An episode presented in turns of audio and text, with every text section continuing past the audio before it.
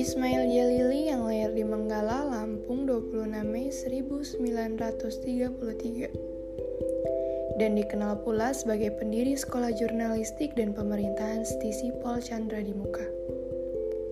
Ismail Jalili merupakan salah satu wartawan senior di Indonesia yang menerima kartu pers nomor satu bersama Rosian Anwar, Jacob Utama, Dahlan Iskan, Karni Ilyas, M. Soleh Tamrin, Tarman Azam, dan Bambang Harimurti. Selain dikenal sebagai wartawan, Ismail Jalili juga dikenal sebagai seniman khususnya teater dan sastra.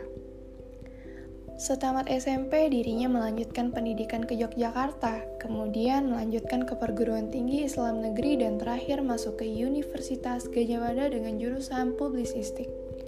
Keprihatinan hidup yang dilalui menempa Ismail menjadi seorang yang agamis serta humanis, sejalan dengan profesi yang digelutinya setelah beranjak dewasa. Selain aktif menulis sebagai wartawan, dia juga menekuni bidang seni dan budaya. Pada usia 60-an, dia mengabdikan diri sebagai pendidik dan tahun 1976 mendirikan Akademi Publisistik yang kemudian berkembang menjadi Sekolah Tinggi Ilmu Sosial dan Politik atau Pol Chandra di Muka, Palembang. Puluhan buku sastra ditulisnya termasuk naskah teater dan film. Tahun 2010, dia menerima penghargaan dari Dewan Kesenian Sumsel sebagai tokoh seni di Sumsel. Putra dari Ki H. Abdurrahman Jalili yang merupakan tokoh Partai Serikat Islam Indonesia atau PSSI. Ismail Jalili melalui masa remaja dan sekolahnya di Palembang tepatnya pada tahun 1950 sampai 1954. Banyak hal yang menarik dalam sebuah perjalanan hidup ayah dari dua anak ini khususnya tentang kegigihan dan ketabahan dalam mewujudkan cita-citanya.